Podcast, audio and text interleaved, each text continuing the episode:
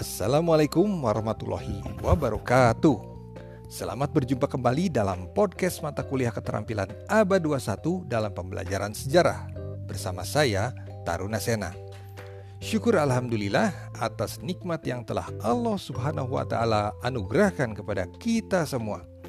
Pada pertemuan ke-11 ini, kita memasuki tahap implementasi satu dari ketujuh aspek yang telah dibahas sebelumnya, yaitu merancang pembelajaran sejarah berdasarkan satu aspek tersebut dalam format video pembelajaran.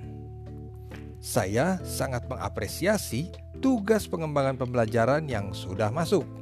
Tampak Anda sekalian berupaya dengan sangat serius dalam mengerjakannya.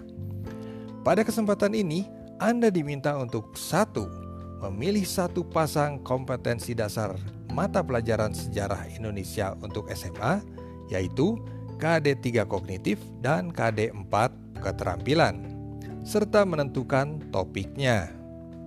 Bisa menggunakan KD dan topik yang sudah Anda pilih pada tugas sebelumnya. Kedua, kembangkan tujuan dan proses pembelajaran yang terkait dengan satu aspek yang dimaksud. Misalnya, terkait critical thinking atau creative thinking atau juga yang lainnya. Ketiga, rancanglah perencanaan video pembelajarannya.